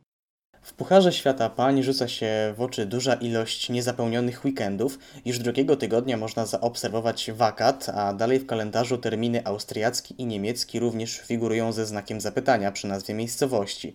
Mam takie marzenie, że w miejsce wakat wkrótce będziemy mogli wpisać Zakopane albo Wisła, lecz raczej jest to marzenie ściętej głowy. E, Mówimy ciągle o letnim Grand Prix, czy już o zimowym sezonie? Nie, nie, nie, nie, już, już o zimowym sezonie. O zimowym sezonie pań, tak. No więc tutaj, jeśli chodzi o, jeśli chodzi o kobiety, to mówię, nie, nie, chcę się, nie chcę się wymądrzać, ponieważ nie jestem e, odpowiednim ekspertem, że tak powiem, do tego, do, do tego, do tego tematu. Natomiast chciałoby się, żeby skoczki nie skakały na większych skoczniach, żeby skakały w Polsce, żeby takie zawody też się odbywały, no bo to też promocja tego sportu w, w innych krajach, jak chociaż- chociażby właśnie w Polsce, bo wydaje mi się, że tutaj w naszym kraju ciągle wielu ludzi nie wie, że w Polsce są kobiety, które skaczą na nartach i że skaczą całkiem nieźle, no a nawet jeśli, jeśli wiedzą o tym, no to nie znają nazwisk chociażby Kingi Rajdy czy Kamili Karpiel, które no moim zdaniem kibic skoków narciarskich w Polsce znać powinien bez problemu. Szkoda trochę także, że zawody w Azji są rozdzielone czasowo. Uważam, że nie ma sensu ciągać zawodniczek po świecie dwa razy w sezonie. Mam na myśli tutaj ten taki tour y, po Japonii w styczniu, a następnie powrót do Azji, dokładniej do Chin 13-14 lutego. Czyli widzimy, że to, co FIS zrobił y, dobrze w mm, Pucharze Świata Mężczyzn, no to z kolei schrzanił w Pucharze Świata Pań, no czyli jakby równowaga w przyrodzie jest zachowana. Ale trzeba przyznać, że skoczkinie mogą pochwalić się unikalnym dla siebie ZAO. Fajnie, że właśnie, że nowe miejscowości pojawiają się w y, kalendarzu, jeśli już nie u mężczyzn, no to u pań, że, że skoki, y, mam nadzieję, że będą szły w kierunku globalnym, no i że będą się pojawiać właśnie w innych krajach niż te, y, niż te z czołowej szóstki, bo widzimy, no, że, że ostatnimi y, czasy, ostatnimi laty, można powiedzieć nawet, skoki narciarskie stały się taką troszeczkę zmonopolizowaną mocno dyscypliną sportu, że no, interesują się tym sportem w zasadzie tylko y, kibice w Polsce, Japonii, Słowenii, Austrii, Niemczech czy Norwegii. A, no, w tych pozostałych już nieco mniej, no bo po prostu mniejsze sukcesy na tym polu osiągają zawodnicy z tych poszczególnych pozostałych krajów, jak y, Szwajcaria, Czechy czy na przykład Rosja. Czy, czy, czy, czy Finlandia, tak? która Finlandia kiedyś była mocna, a dzisiaj no, wi- widzimy, gdzie jest. No ale na ten moment myślę, że fani skoków w Rumunii czy we Włoszech są bardziej pochłonięci zmaganiami pań ze względu na siostry Malsiner czy Daniele Haralambie. To się zgadza. A propos Finlandii, o której mówiłem, pojawiła się teoria, nie wiem czy się z nią zgodzisz, że dopóki tam skoki narciarskie, oglądanie skoków będzie płatne, bo, bo tam tak jest, jest pay-per-view za oglądanie skoków, że dopóki będzie, będzie płatne, no to skoki się nie odrodzą, no bo będzie małe zainteresowanie i, i mniej też y, młodych ludzi będzie chciało ten sport uprawiać. Jeszcze a propos Pucharu Świata Pań, w oczy rzuca mi się Lillehammer, które rozpoczyna kalendarz i znajduje miejsce także podczas Rower. Moim zdaniem trochę marnowanie potencjału tego terminarza, takie duplikowanie miejsc, w których rozgrywają się zawody. Tak, no bo na pewno są miejscowości, w których spokojnie można by było, można by było skakać i które stracą, no a Lillehammer zyska, zyska podwójnie, no ale cóż, no. Norwegia y, w dys- dyscyplinach narciarskich dzieli i rządzi. O Norwegii, a dokładniej o Vikersund jako potencjalnym gospodarzu zawodów kobiet i o całym pomyśle zezwolenia paniom na rywalizację na skoczniach mamucich pomówimy po przerwie. Na ten czas zachęcam do relaksu przy muzyce.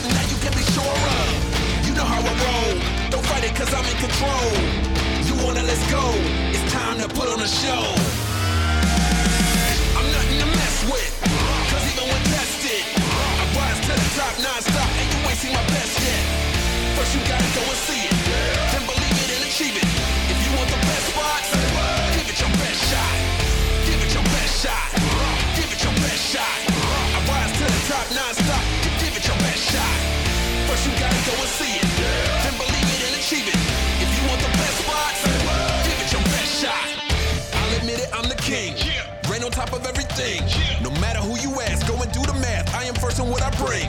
Hard work and perseverance. I don't want no interference. And you can't see the size of my heart, you can't base it on appearance. I go above and beyond.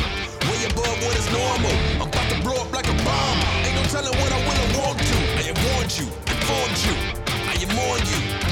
You should probably run and hide, otherwise we about to collide. You know how I roll. Don't fight it cause I'm in control. You wanna let's go. Time to put on a show. I'm nothing to mess with. Cause even when tested, I rise to the top non-stop and you ain't seen my best yet. First you gotta go and see it. Then believe it and achieve it.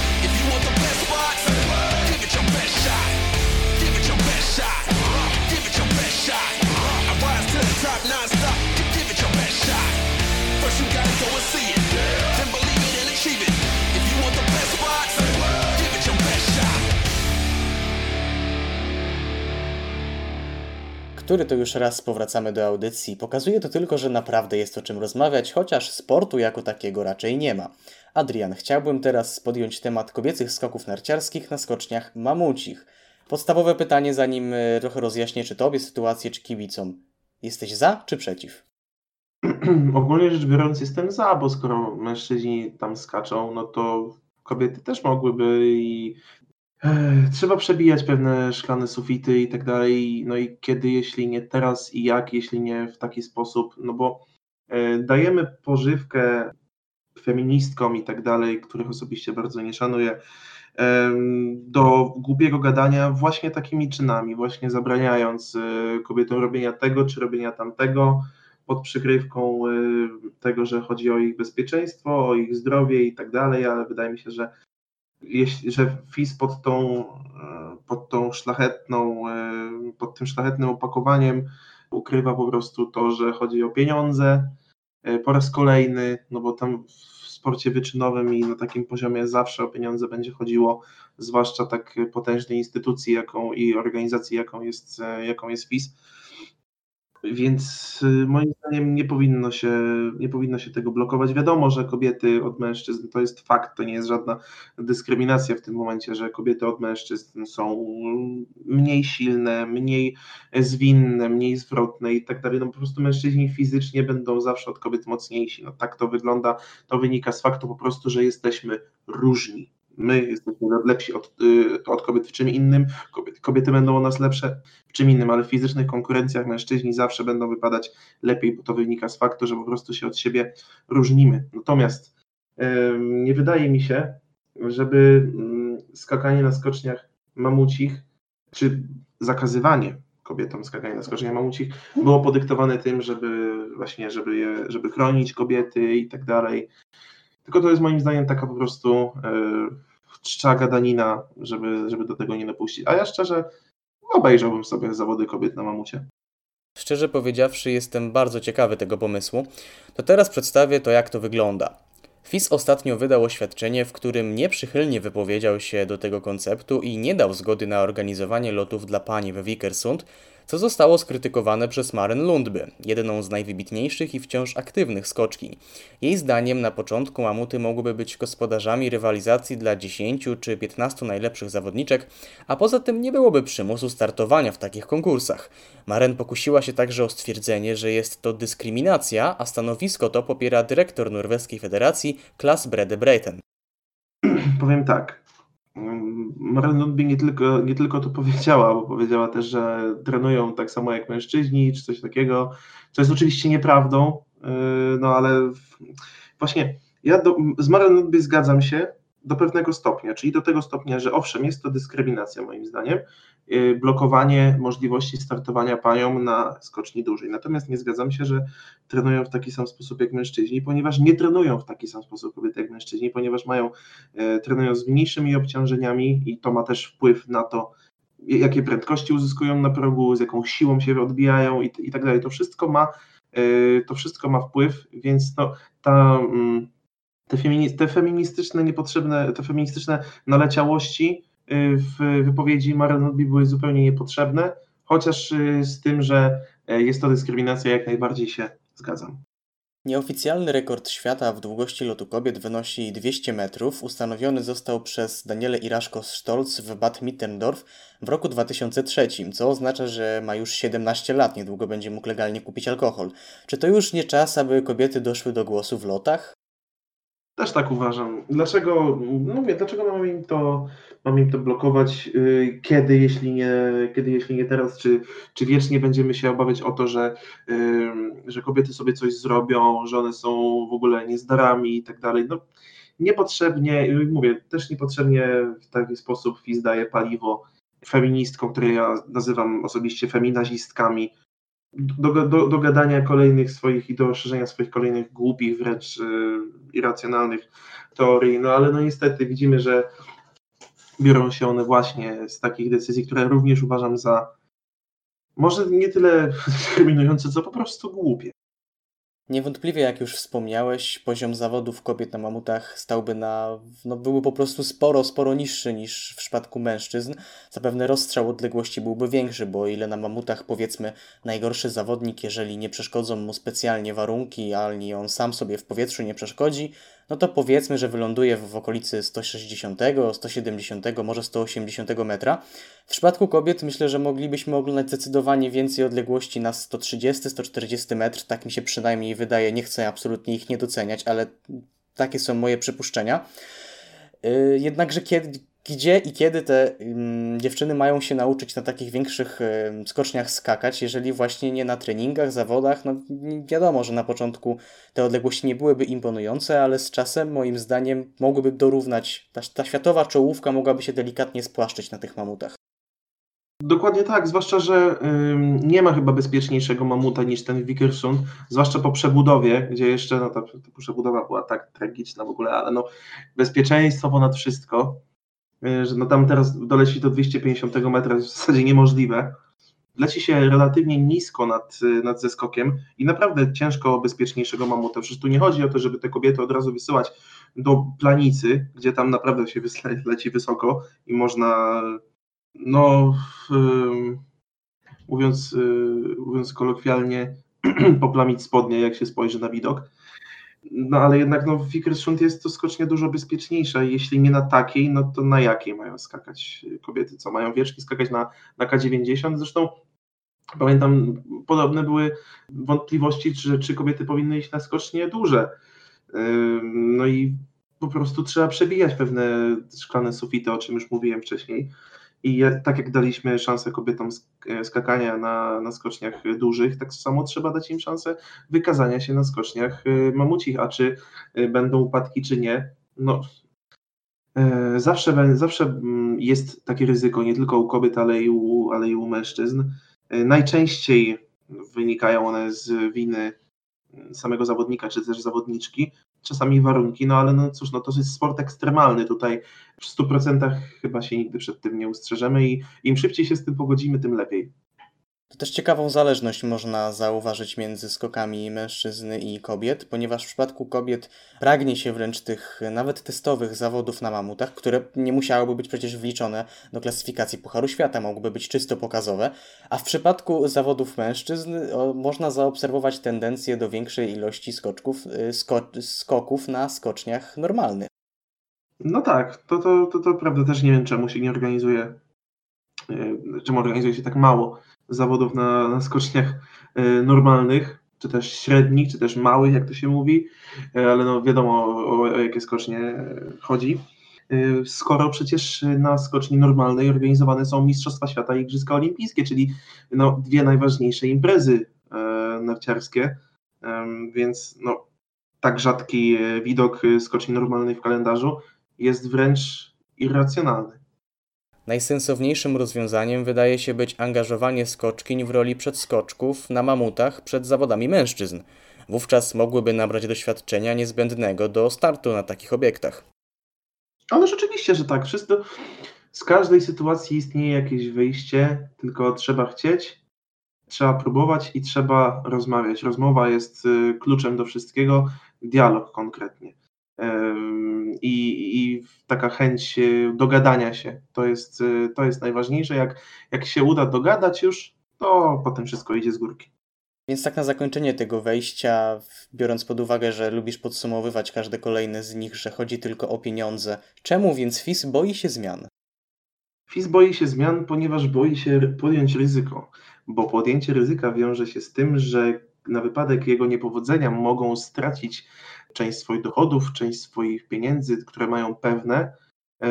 Boją się, no umówmy się, no, gdyby to wypaliło, to przychody mogły być większe, no ale mogą być y, z kolei mniejsze, mogą stracić, no i y, a oni boją się stracić, dlatego właśnie boją się ryzyka, takie jest moje zdanie.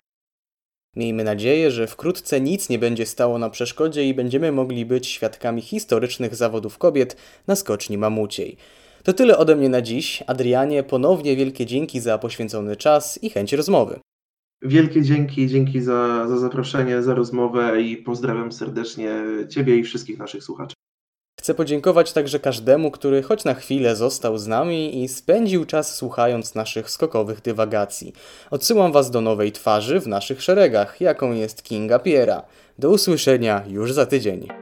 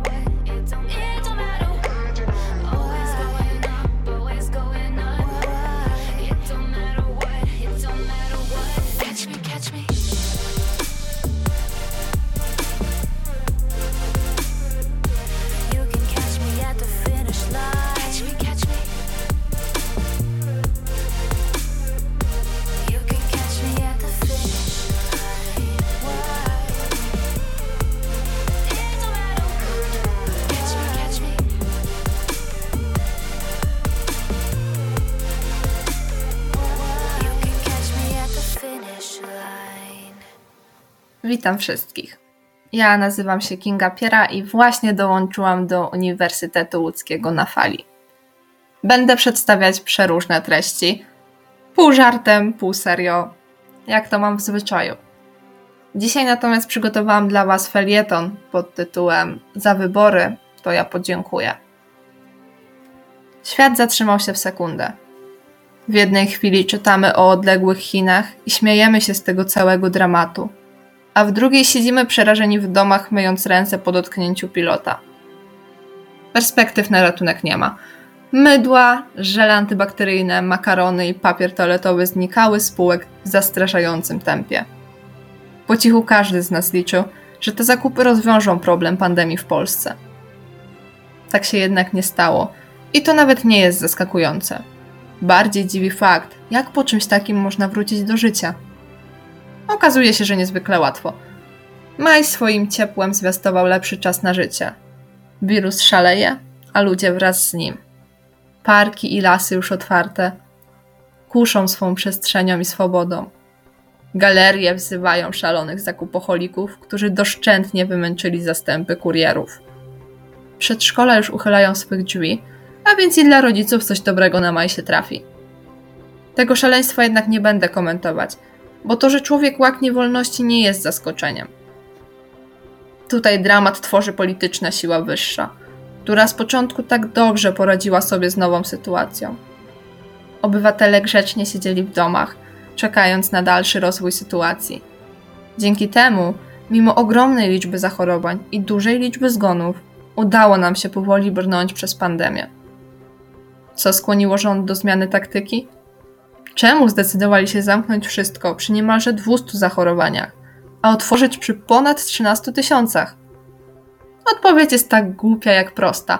10 maja miały odbyć się wybory prezydenckie. Brzmi logicznie, prawda? Jednakże nie lękajcie się, obywatele. Władza dba bowiem o swój lud i nie nakazuje im narażać swojego życia w lokalach wyborczych. Nakazuje jedynie narażać swoje dane osobowe podczas głosowania korespondencyjnego. Ta wspaniała inicjatywa jest wręcz nieprawdopodobna. Z chęcią uścisnęłabym dłoń osoby, która na to wpadła, albo chociaż zetknęła się z nią łokciem w obecnej sytuacji. Żarty żartami, ale sytuacja nie jest ciekawa. Mogłabym wymieniać wiele wad tego pomysłu i krytykować fakt, iż ktokolwiek na to pozwala. Ale po co? Każdy ma swój rozum i wie, co robi. A ja nikomu głosować nie zabraniam. Ja na szczęście zostałam pozbawiona tego wyboru, gdyż miejsce mojego zameldowania nie jest miejscem mojego zamieszkania. Dla mnie to dość dogodna sytuacja, ale przecież w Polsce jest mnóstwo takich osób, a na pewno wielu studentów, którzy być może chcieliby zagłosować. Pomijając ten jeden nielogiczny aspekt, mam w głowie jeszcze jedną myśl.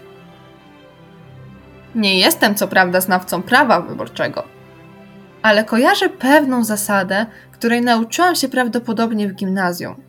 Jest to zasada tajności głosowania, która, jak sama nazwa wskazuje, mówi o tym, że nasz wybór powinien być anonimowy.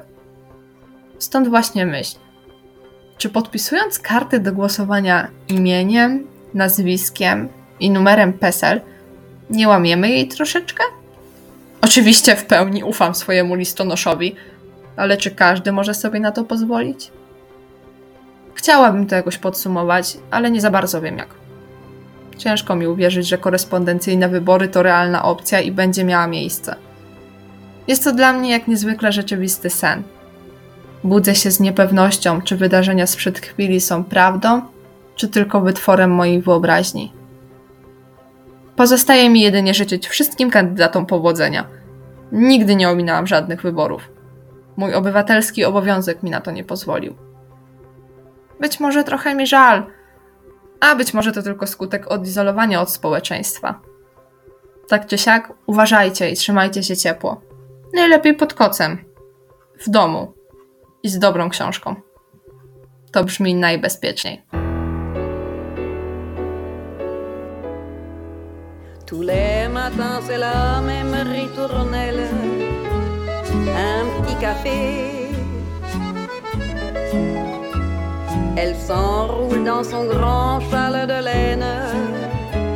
se réchauffer. Caresse le chat qui passe entre ses pas. Le chat, la solitude, il connaît ça. Et elle se sent moins seule quand il est là. Il remplace l'enfant qu'elle n'a pas. Il lui a dit C'est toi ma vie, c'est toi ma vie. Il l'a promis et elle a tout quitté pour lui.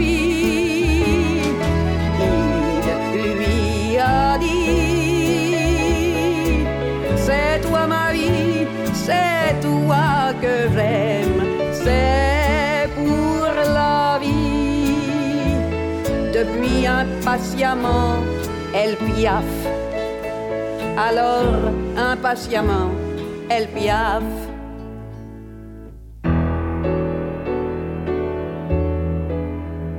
Jour après jour, elle espère son retour. Elle attend là. Mais le temps passe et parfois elle redoute qu'il ne revienne pas. Caresse le chat au creux de ses bras. Le chat, la solitude, il connaît ça. Elle le serre sur son cœur comme cet enfant qui lui avait promis tendrement.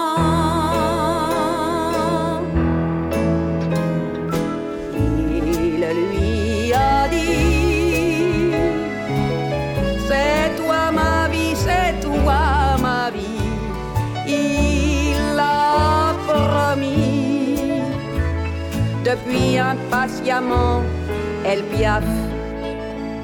Alors impatiemment, elle piaffe. Elle ne sait pas quoi faire de sa liberté. Elle n'arrive pas à l'oublier. Elle est la prisonnière d'un espoir volé. Faut qu'elle oublie, faut qu'elle oublie, faut qu'elle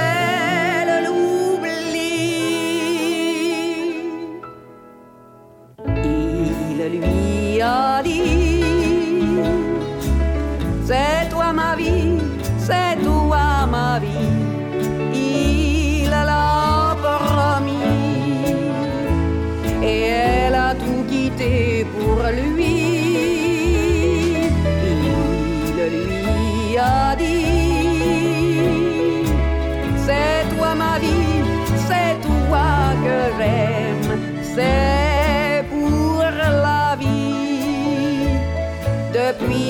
Depuis impatiemment, elle piaffe.